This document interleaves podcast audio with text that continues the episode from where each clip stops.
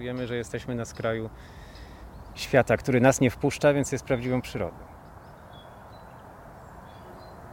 Natomiast na bagnach y, y, najważniejsza jest ta ciągłość, że widzisz, że to miejsce było tym bagnem przez poprzednie tysiące lat i dalej stoisz na nim i chlupie woda i są podobne rośliny. Ja mówię, oto jest fragment sprzed 5000 lat, nasiono na przykład bobrka trójlistkowego, który o tu rośnie.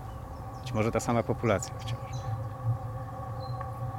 Um, uh, a treasure of life, so to say. Skarb życia. Find in these places. Można go znaleźć na torfowiskach. People already long time ago had understood Ludzie już dawno temu zrozumieli, że to wyjątkowe miejsca. Ah, Ale z czasem straciliśmy tę wiedzę. Uznaliśmy, że możemy ujarzmić torfowiska.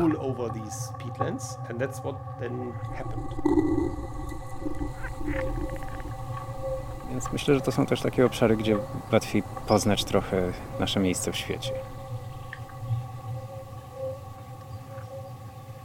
to, co pod spodem. Czyli o sensie odwracania tego, co było i jest uważane za bezsprzeczne. Osiągnięcie cywilizacyjne. Reportaż Bartosza Panka.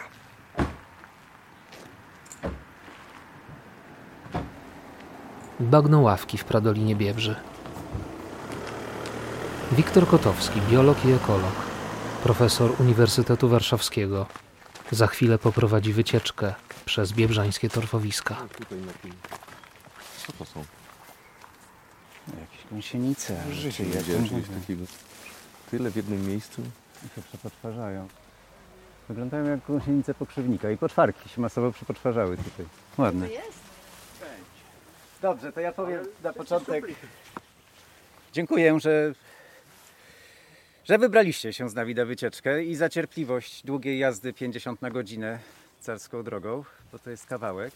Możecie poznać do, rozległość biebrzańskich bagien. Przejechaliśmy tak połowę dolnego basenu, jednego z trzech basenów y, biebrzańskich w tym czasie.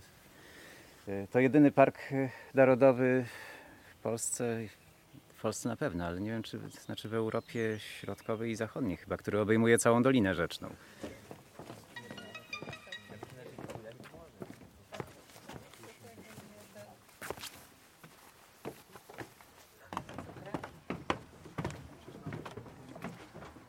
To jest widok na największe torfowisko Wiebrzańskiego Parku Narodowego i jedno z y, największych zachowanych torfowisk niskich y, w Europie. Y, od kiedy ludzie pamiętają, to bagna były koszone, bo wszyscy tu mieli krowy kosili ręcznie te bagna, stawiali stogi, zbierali siano zimą po lodzie, żeby wykarmić te krowy i jak zaprzestano koszenia, w 80. już właściwie nikt nie kosił, to część bagien zaczęła zarastać e, drzewami. Wiem, że nie wszystkie, bo prowadziliśmy tu badania. W każdym razie e, w latach 2000 zaczęto wprowadzać z powrotem koszenie specjalnymi maszynami, żeby odtworzyć ten otwarty krajobraz.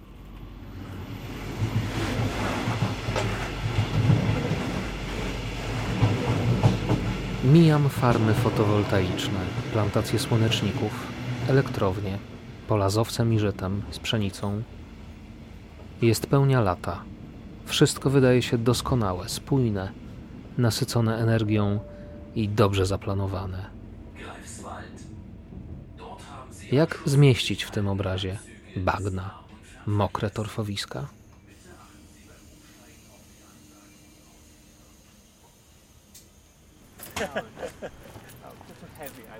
Gerald Jurasiński, biolog i ekolog, profesor uniwersytetów w Rostoku i Greifswaldzie.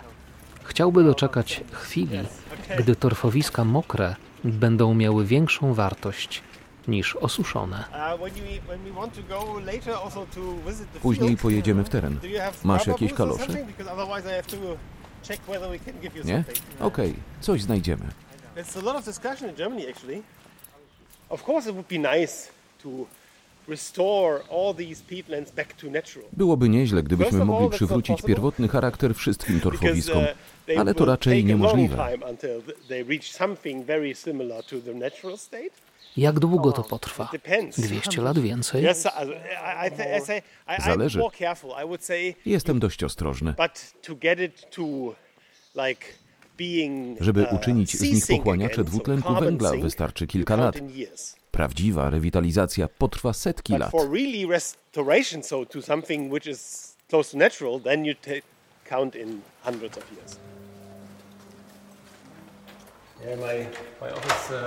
A to moje biuro. Właśnie odebraliśmy nowe analizatory. Oh, Te tutaj?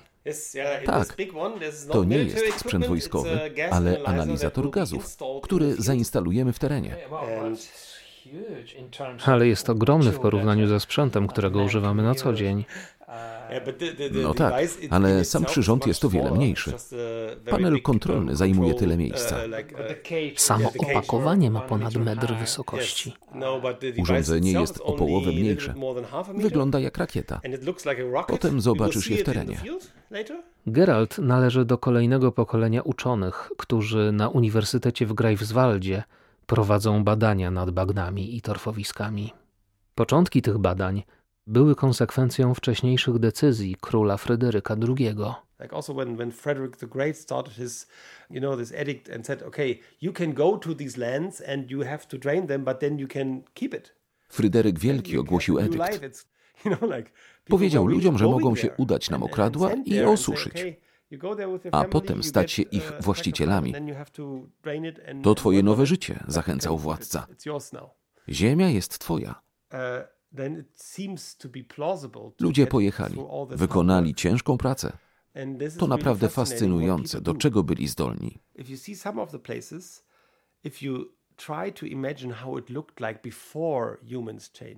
Torfowiska tworzyły zróżnicowany krajobraz i chociaż nie służyły do upraw, ludzie zaczęli je osuszać.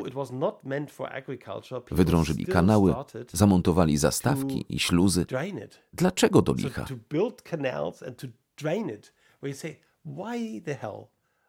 So it's a long history already. It's not just just like uh, started some years ago or some decades ago. Wczesne prace poświęcone mokradłom i torfowiskom powstały właśnie tutaj w połowie XIX wieku.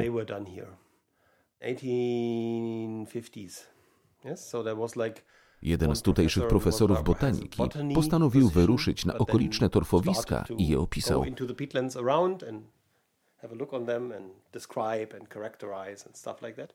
Quite early, also in the 19th century, people were already like już w XIX wieku ludzie przeczuwali, choć nie mieli na to naukowych dowodów, że ze zmeliorowanych torfowisk wydobywają się gazy. I nie jest to neutralne dla atmosfery. Kiedy osuszasz torfowiska, na początku znika woda. Teren jakby się kurczył. Potem następuje rozkład. Mikroorganizmy zjadają torf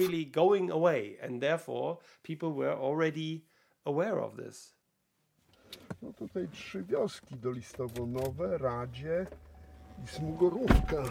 Yy, tutaj swego czasu nawet sprzedawali torf i to na metry kwadratowe. Ale swego czasu to znaczy kiedy? No, jakieś tam 30 lat temu. Nie, w lewo. Tadeusz Daniłko mieszka i gospodaruje w Dolistowie Starym. Jest nie tylko rolnikiem. Od wielu lat oprowadza turystów po Biebrzańskim Parku Narodowym. Dolinę zna jak własny dom. Teraz tutaj nie ma nikogo, tutaj wdowa, tutaj dwóch kawalerów, starych oczywiście, no tutaj też kawaler stary, yy, tutaj no parę lat starsi ode mnie. No tutaj to perspektywiczny 35 lat ma, ale tam w głębi 75 y, lat y, facet.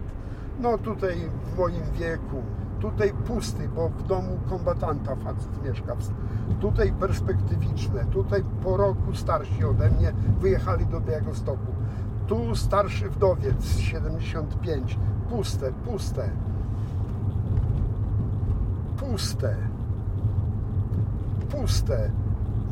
90-latkowie prawie. Tutaj puste. tutaj starsza pani koło osiemdziesiątki. No tutaj perspektywiczne, bo tu trzy pokolenia.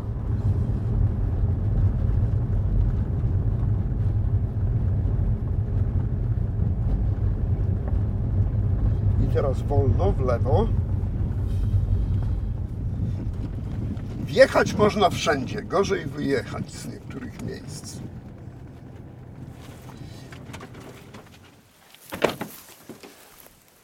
Pamięta Pan kopanie torfu? Jak to się robiło, jak to wyglądało? Może brał Pan w tym udział? No właśnie chciałem to powiedzieć, że nie tylko pamiętam, nie tylko widziałem, ale byłem jako jeszcze może no, uczeń podstawówki gdzieś tam zaangażowany w tak zwane odnoszenie torfu. To była praca ciężka, mokra, zimny ten torf był, bo z głębokości, a tam gdzieś zawsze w maju się kopało.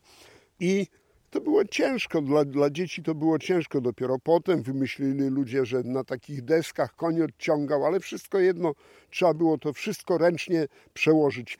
I potem bardzo ważne było, żeby y, jak nadchodził deszcz, a torf już był suchy, to trzeba było go bardzo szybko zabrać, ponieważ on jakby upadł deszcz, to on by mocno się pokruszył.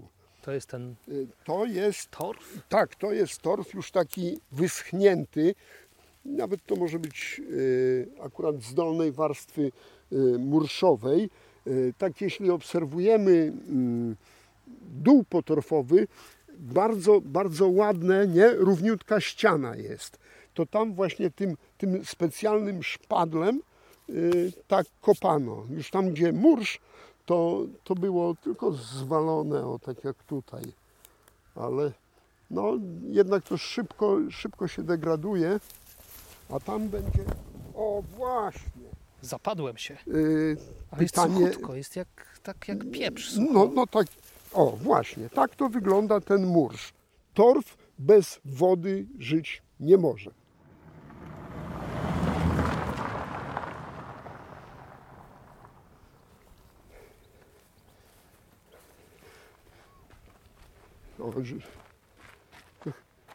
Żuraw gdzieś się odzywał chyba, ale bardzo daleko, bo tylko pisnął.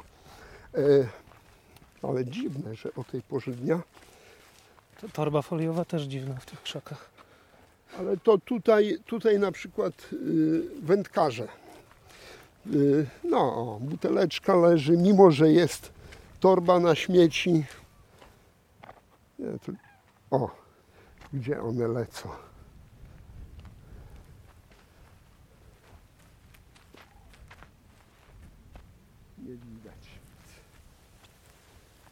Największa woda, jaką pamiętam, to sięgała raz, dwa, trzy o do tego miejsca, do czwartej schodki. Tutaj za moich czasów było kąpielisko. Pływanie? Y, pływanie, no to był obowiązek. Znaczy, mówimy o pływaniu w pław.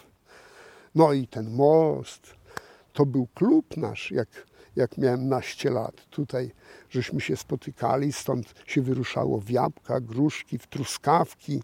No takie to czasy były.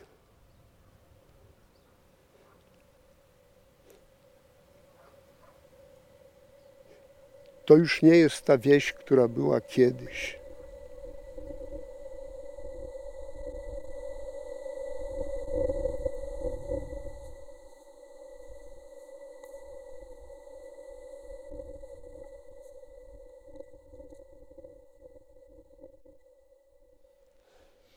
Tu jest zawsze tak cicho o tej porze? Tutaj jest cicho i pachnąco.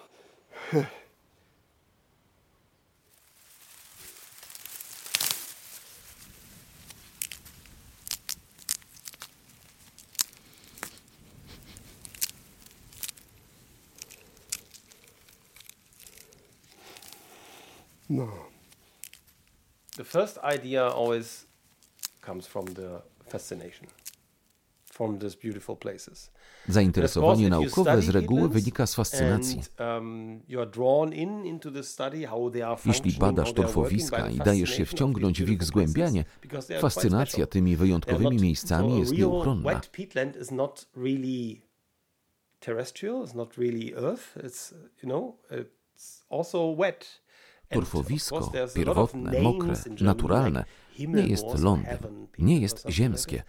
also wet. Torfowisko, pierwotne, mokre, naturalne, nie jest lądem, nie jest ziemskie. W Szlezwiku-Holsztynie jest na przykład torfowisko Himmelmoor. To skojarzenie z niebem również odzwierciedla naturę tych miejsc. Zwłaszcza gdy bywasz na torfowiskach w mgliste jesienne dni, kiedy nawet nie wiadomo, gdzie kończy się ziemia, a gdzie zaczyna niebo. Ale szybko zdajesz sobie sprawę, że ludzie niszczą piękno tych um, miejsc. Uh, gdy widzisz skalę zniszczeń, zdajesz sobie sprawę z utraty um, czegoś cennego. I może to właściwy czas, by głośno uh, powiedzieć, że zmierzamy w złym kierunku. something you can do forever because then you're losing the ground.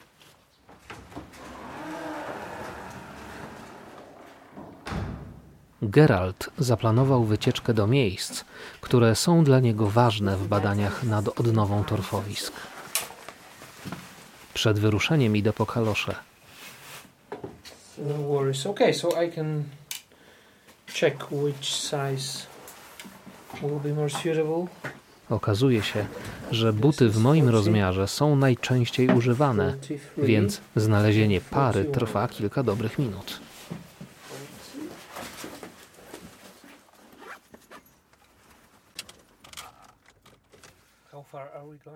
Podróż zajmuje nam niecałą godzinę. 50 minutes, something. So we go east. Yes. Jedziemy na wschód, w stronę Anklam. Są tam rozległe mokradła przy ujściu rzeki Piany do zatoki Achterwasser. And um, there are a lot of different peatlands, and or it was one actually. Kiedyś to było jedno uh, wielkie torfowisko. Znaczna część tego obszaru została przekształcona.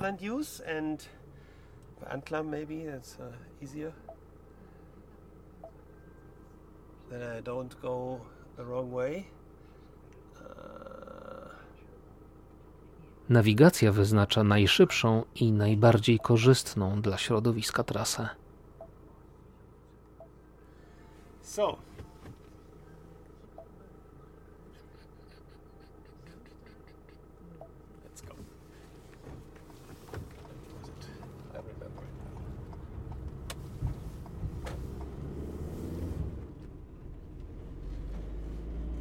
So we just also uh, moved across the river Peene.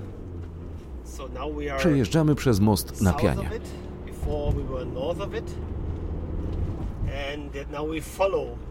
Wcześniej byliśmy na północnym jej brzegu, teraz podążamy wzdłuż rzeki aż do Anklam. Tam piana wpada do szerokiej laguny. But here on the left hand side you can see this depression with all the trees and so. That's where the river is. Po prawej i po lewej, za szpalerami drzew, widzisz nisko położoną dolinę. Rzeka płynie tam w głębi.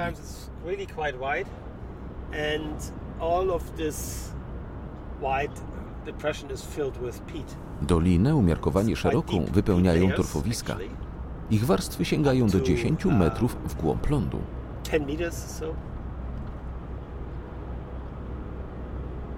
And the Pena River has a very Uh, to specyficzne miejsce. Rzeka płynie wolnym nurtem. Niski jest spadek terenu. Piana wypływa z jeziora Komorowskiego, położonego tylko o 30 cm wyżej niż ujście. Bywa więc, że płynie wstecz, jeśli woda w Bałtyku robi się wysoka, albo w ogóle nie płynie.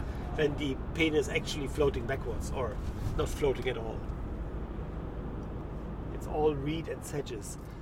If they are growing like a carpet, but there's always water surrounding them in the bottom, tu wszędzie są trzciny i tużyce.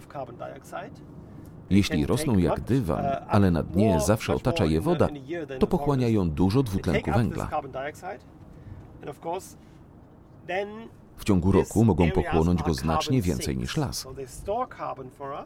Osuszone torfowiska wypuszczają do atmosfery gazy, które gromadziły się przez tysiąclecia. Gdy torfowisko jest mokre, mamy również do czynienia z emisją metanu. Metan również przyczynia się do ocieplenia atmosfery, ale ono rozkłada się w atmosferze stosunkowo szybko, w ciągu 10-12 lat, a dwutlenek węgla nie. On się akumuluje.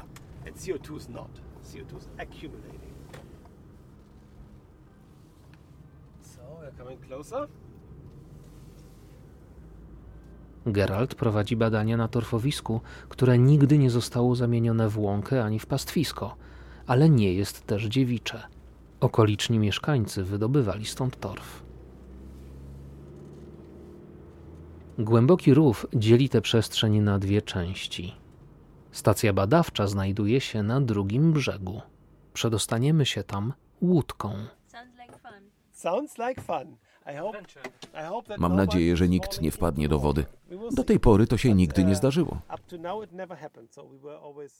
Towarzyszy nam Kora, doktorantka Geralda. Kora zdecydowała, że będzie przysłuchiwać się nagraniom, więc jej głos tylko czasem pojawia się w tle naszych rozmów. Bierzemy kurtki, bo choć niebo jest dość klarowne, to w prognozach na popołudnie pojawił się deszcz. I przekąski bo ta część wycieczki zajmie nam dwie godziny. Ale i tak najważniejsze są wodery.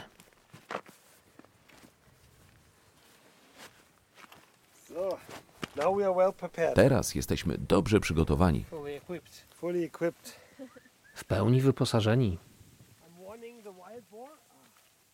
Geralt informuje dziki, że jesteśmy na ich terenie. Go on this uh, on this dam or on this dike and then we find hopefully our entry. Idziemy w stronę wału ziemnego. Mam nadzieję, że znajdziemy zejście przez pas trzciny. To około 20 metrów w prawo.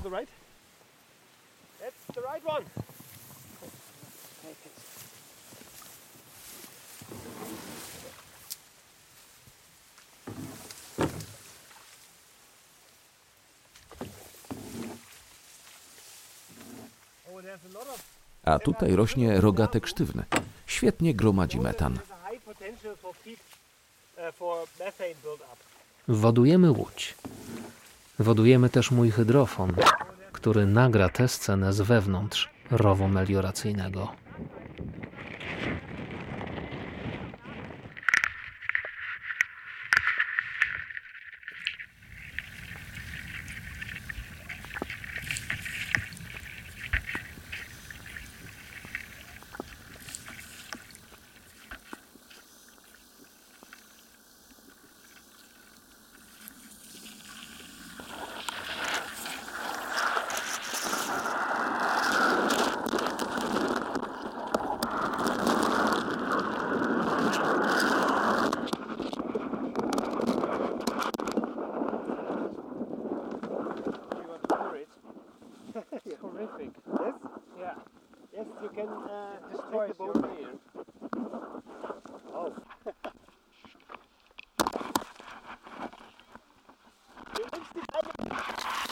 Maybe it would have been with rubber boots also okay, but there are some holes sometimes where you can then, uh, when it's good if it's higher.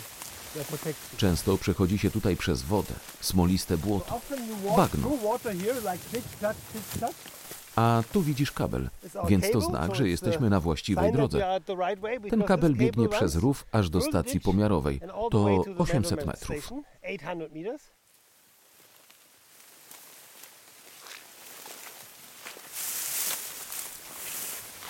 No, tutaj się przedzieramy przez takie, takie trawy, takie wysokie rośliny, nie wiem nawet jak one się nazywają. Mm, tak wysokie, że w zasadzie przyrastają mnie. E, chociaż ja nie jestem bardzo wysokim człowiekiem, natomiast myślę, że te trawy, te trawy mają zdecydowanie powyżej dwóch metrów. No może metr dziewięćdziesiąt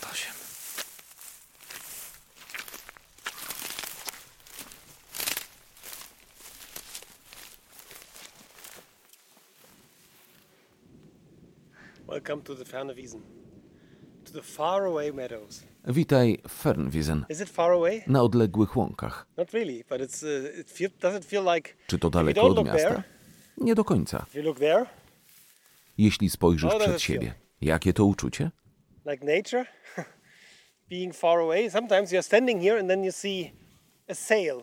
Czasami stoisz tutaj i widzisz żagiel. Niedaleko stąd płynie rzeka.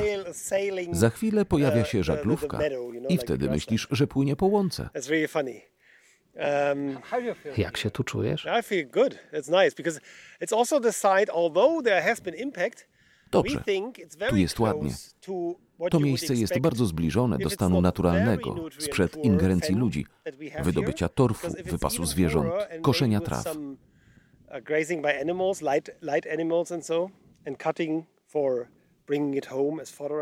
Gdzie niegdzie rosną tużyce, niezbyt wysokie, dość rzadkie. Najgęściej rozprzestrzenia się trzcina.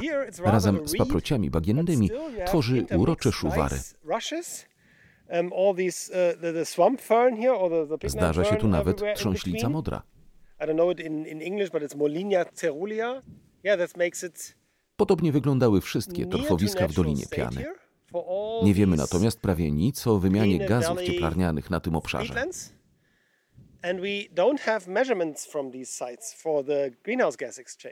Kilka lat temu postanowiliśmy zainstalować urządzenie wyposażone w czujniki do zbierania takich danych. Uh, Monitoring trwa bez przerwy. Zebrane informacje trafiają prosto do naszej bazy. And they're all collected by this box and sent into the internet. I choć czujesz się tak, jakbyś był w sercu natury, towarzyszy ci naprawdę imponująca technologia. Uh,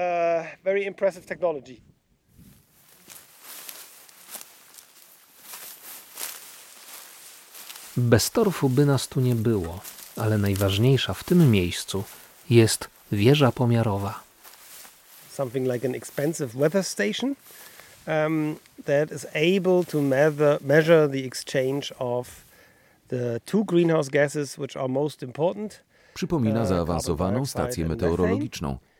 Mierzy poziom wymiany dwóch najważniejszych gazów cieplarnianych dwutlenku węgla i metanu. Uh, Pozwala uzyskać precyzyjne dane o funkcjonowaniu torfowisk w naszym regionie. To urządzenie jest naszym punktem odniesienia. So it's our reference site.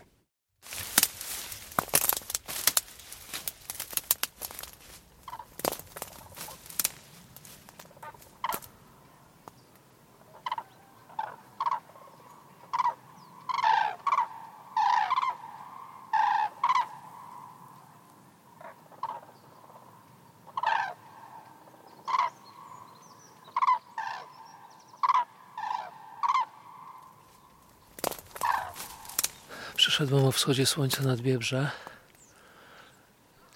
W rzece umieściłem hydrofon, mikrofon, który nagrywa tę rzekę.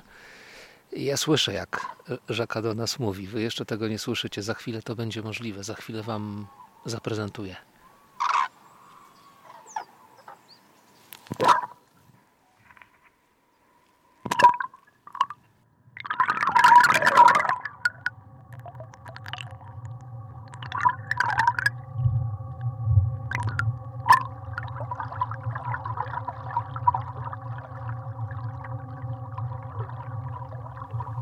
Tak brzmi głos Biebrzy.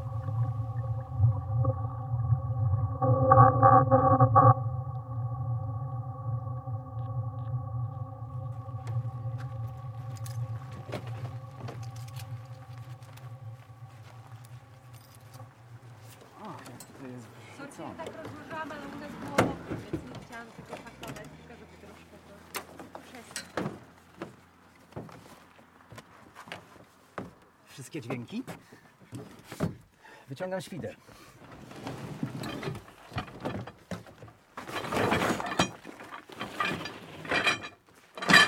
Chcę wam pokazać ten torf. Jak nie wejdziemy w głąb, to przynajmniej na skraju, bo to jest... Nie da się zrozumieć bagna bez... bez, dotknięcia torfu, który ma przynajmniej tysiąc lat.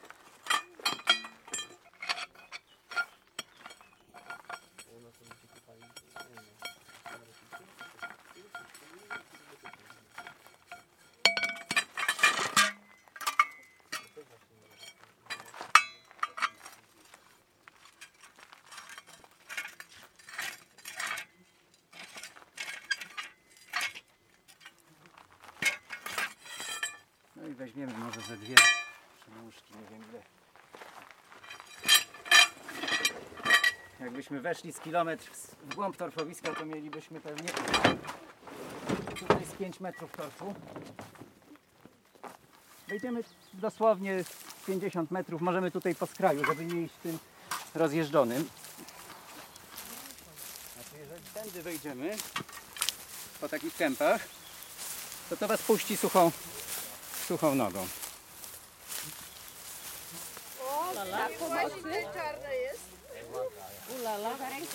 Nie bójcie się ich deptać, one sobie poradzą. Wyprostują się.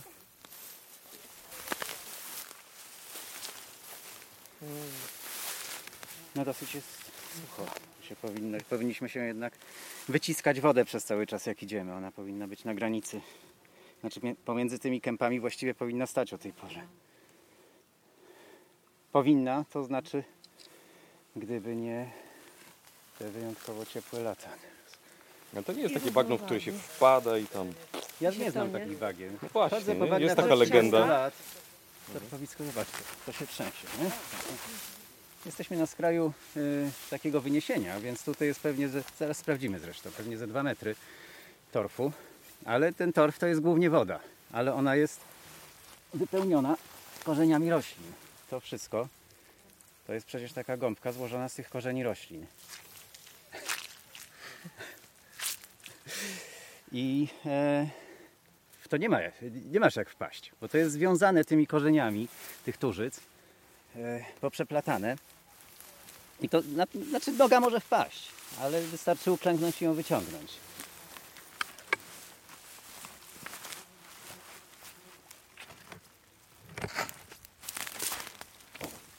To takie blurb, które słychać, to jest metan wyłażący, bo produktem I on tam siedzi sobie. on tam siedzi.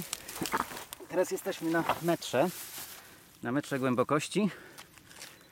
Biorąc pod uwagę, że odkłada się nam milimetr rocznie, to ten torf jest z roślin, które tu rosły dokładnie w tym miejscu tysiąc lat temu. Tak? Czyli za początków państwa polskiego można dotknąć, można znaleźć nasionko jakiejś rośliny sprzed tysiąca lat. A jeszcze wejdziemy głębiej. 20 osób i każda z nich z jednym albo dwoma urządzeniami, które zostawiają cyfrowy ślad. Taki, którego nie wykryje ucho nieuzbrojone w mikrofon. Tak jak oko nieuzbrojone w wiedzę i doświadczenie nie wykryje zmiany na torfowiskach i na bagnach.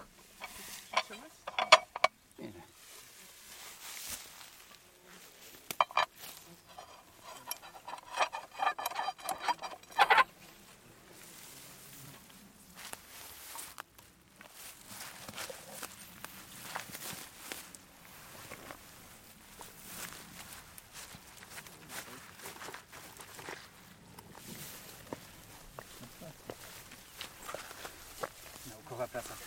Fizyczna.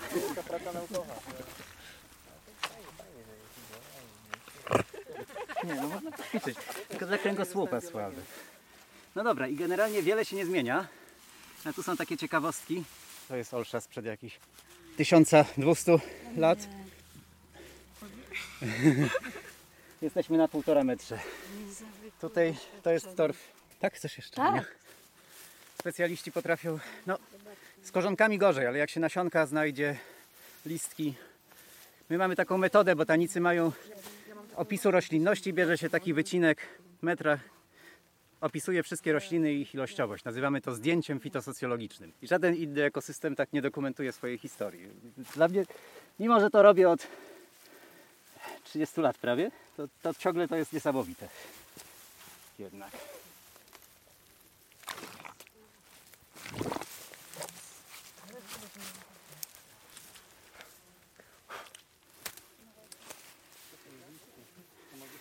No i co, no główna informacja jest taka, że nic się nie zmienia. Ważne, ja Panią pokażę, tutaj jest Pani bliska. nic się nie zmienia, to znaczy, że, że są ekosystemy, które, słuchajcie, przez 2000 lat, a i więcej, po prostu są non-stop niezmienne i wyglądają tak jak teraz.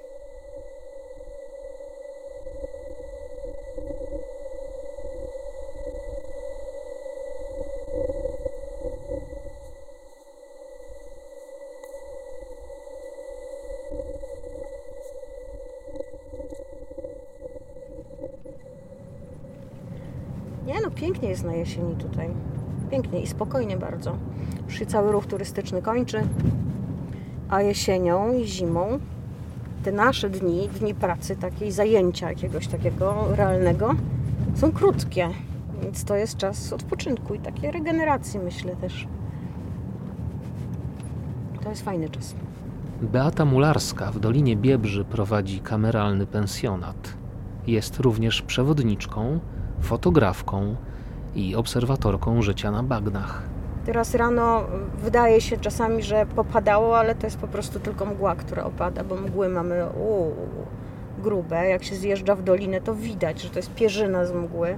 Jak się w to wjeżdża, to autentycznie nic nie widać. Więc oglądanie rano też jest utrudnione bardzo w takich warunkach, no bo nic nie widać. Teraz, e, teraz jest dużo fajniej, bo, bo można wszystko sobie zobaczyć. Muszę to zwolnić, bo tutaj właśnie jest tych, tych łosi jest sporo, ale jeżdżą traktory, one jeżdżą wolno, więc nic im nie będzie. Ale droga jaka równiutka. Niedawno zrobiona. Nie było tak luksusowo do tej pory. No, ja pamiętam tę drogę sprzed... E, Przepraszam, muszę się przytrzymać i sobie zerknąć przez lornetkę, czy to jakiś warty wejrzenia obiekt. Tam sarenki trzy stoją. Się ustawiły równiutko. O, kopczyk nam uciekł, albo pustułka teraz, zobaczymy co to jest. Żurawie lecą tam. Dobrze, to jest moja pustułka? Tak, to jest pustułka. Codziennie się spotykamy, ale są też kopczyki na przelocie, śliczne zresztą drapieżniki. Czyli żurawie lecą już na noclegowisko. Tak, zdecydowanie. No bo słońce jest już dosyć nisko. Dzień dobry, Pani posłeczko. E, no nie, nie wierzę. To dzisiaj akurat tak będziesz siedzieć, tak? To ja się z Tobą... to ja się z Tobą męczę, żeby Ci streknąć fotkę, a Ty dzisiaj akurat. Ach, to... Kubka gnoju i to drzewko. I tylko dwa miejsca, gdzie ona sobie siada i cały czas tylko oczywiście jeszcze zawisa w górze i poluje na jakieś myszarki czy jakieś tam e, nornice, czy inny drobiazg. Stabilna bardzo. W lesie już jest melania. Melania to jest klępa, która bardzo zżyła się tu z wioską i z tym miejscem. To jest jej terytorium. Ma w tym roku łożkę małą, cielaka, samiczkę. W tamtym roku miała byczka, a dwa lata temu miała bliźniaki, byczka i samiczkę, byczka i klępę małą. Znaczy ona jest płochliwa, ale ona jest też taka, że właśnie jak się już ją e, oswoi, nie oswoi, jak ona się oswoi z czyjąś obecnością, z głosem nawet, to tak jak podjedzie na przykład teraz, pojechałby jakiś biały samochód, który nigdy tu nie przyjeżdża, wiałaby jak każdy inny łoś. Natomiast ponieważ już chyba rozpoznaje auto i zna mój głos, to ja potrafię się zatrzymać blisko i ona będzie stała, nasłuchuje oczywiście, przygląda się, one słabo widzą te łosie, ale jak bliski dystans i rzeczywiście pozwala sobie robić zdjęcia rzęs. Więc to jest takie, takie wspólne życie z tymi łosiami. O, myszołów nam uciekł.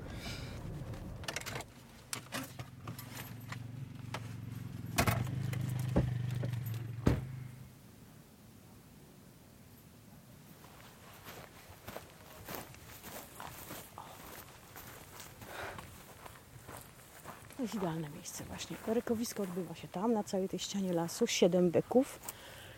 Spotykają się najczęściej tutaj, na tej przestrzeni. A jeszcze rano, jak jest mgła i rosa, to głos się niesie dużo bardziej, więc jak czasem przyjadę w nocy i tak sobie słucham, to mam wrażenie, że zaraz za tą brzozą stoją, ale tak nie jest oczywiście.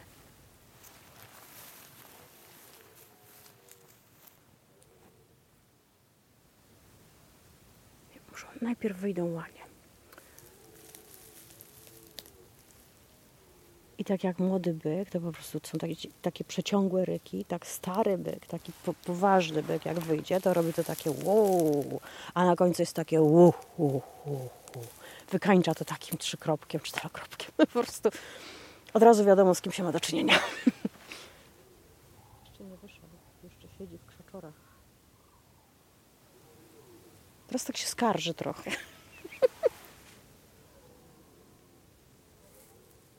Tylko sarenki na razie. I ten żałosny byk. Dobra jest.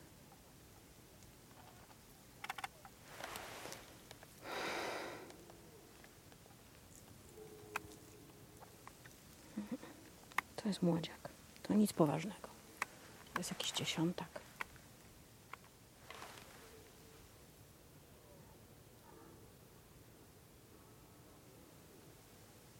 Mogłabym nie spać, żeby tylko móc w tym uczestniczyć. Serio. To jest, to jest no, jakby to nazwać, o tam, czy to są łanie już, czy to są byki dwa.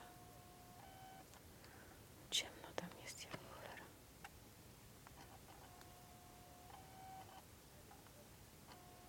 Łanie wyszły. Zobaczymy, czy tak wyostrzy.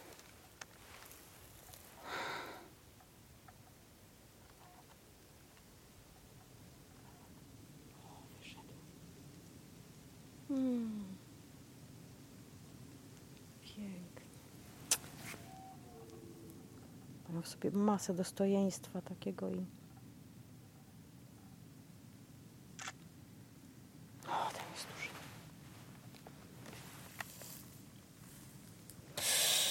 Uuu, tutaj mamy... O Jezu, jaki piękny, proszę. Raz, dwa, trzy, cztery, pięć, sześć, siedem. Czternastak to jest ten właśnie. Ten od haremu. bardzo mu kibicuję. Bardzo taki jasny, taki, no taki po prostu bardzo elegancki, taki angielski trochę. No chodź bliżej, chodź. Nie umiem z tego zrezygnować, bo to jest tak piękne, że wolę to od telewizji, nie wiem, muzyki, czy mogłabym usiąść lampki wina się napić, nie wiem, pójść do znajomych. Nie, wolę tu stać. Nic nie poradzisz.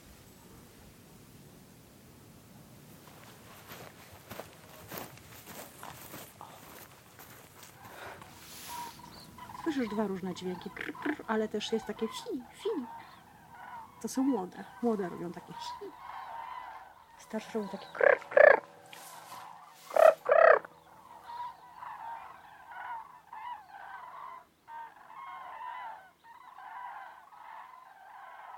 Tam już widzą, e, widzi następne stado nocujące, widzi te żurawie i już je nawołują.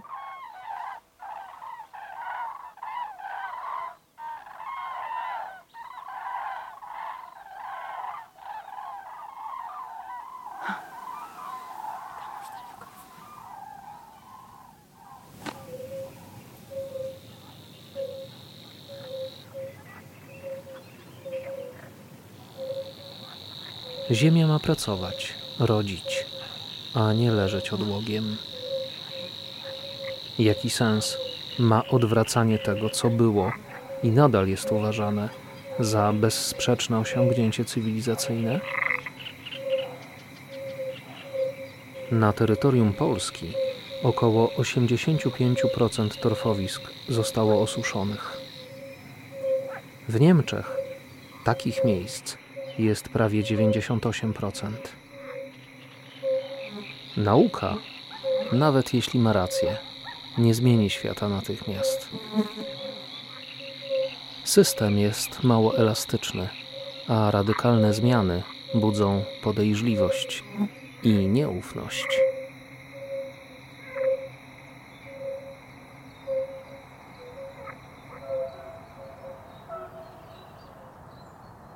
Podejrzewam, że głównym problemem, żeby y, to wszystko naprawić, jest taka nasza, e, nasz strach przed poczuciem y, zmarnowanej roboty.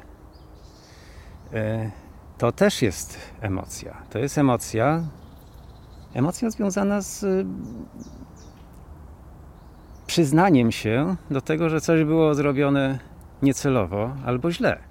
I musi minąć pokolenie albo dwa, żeby powiedzieć, a to były błędy poprzedniej dekady, możemy to zasypać e, i rzucić w diabły.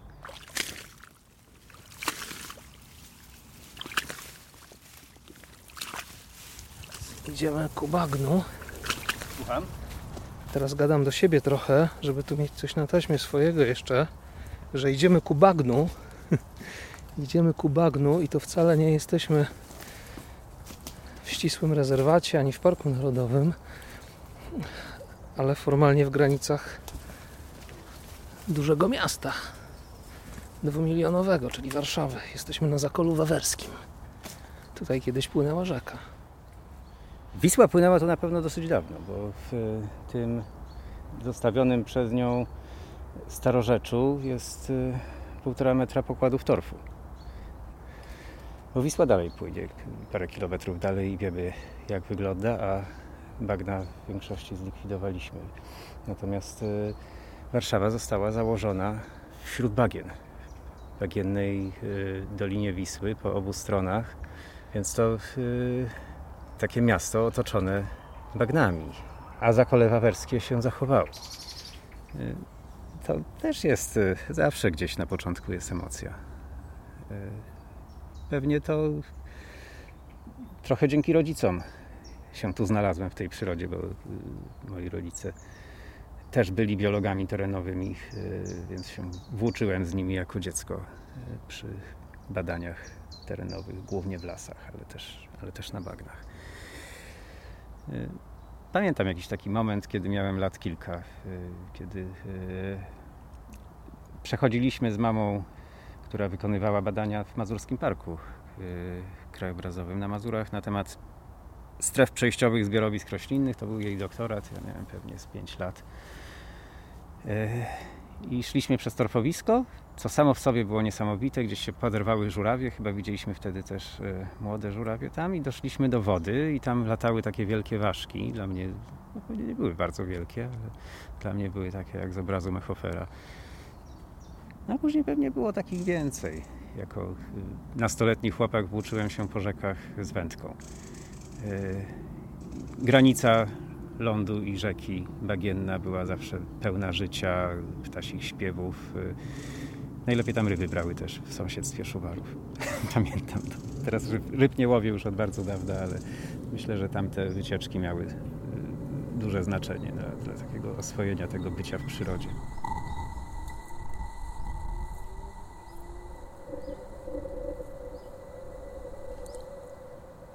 Kiedyś e, sobie zdawaliśmy bardziej, znacznie bardziej sprawę z tego, że one są e, niezbędne, a my na ich skraju się wyżywimy niejako na gapę. E, no ale postanowiliśmy je zniszczyć i one przyjdą i wezmą odwet. To trochę brzmi jak takie antropomorfizowanie przyrody. Może potrzebujemy takich metafor, żeby zrozumieć. No, więc my powinniśmy pozwolić na tą zemstę bagnom. Pozwolić im wrócić, trochę się upokorzyć, tylko my tego nie zrobimy w ramach swojego racjonalizmu, bo społeczeństwo tego e, nie zaakceptuje.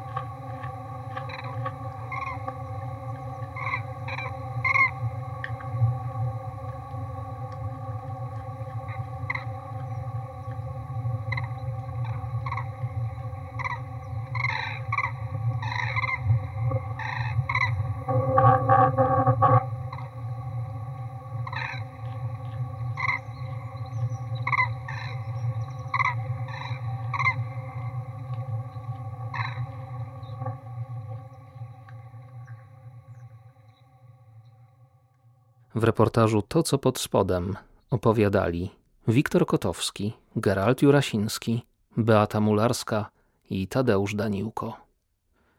Lektor Jakub Urlich.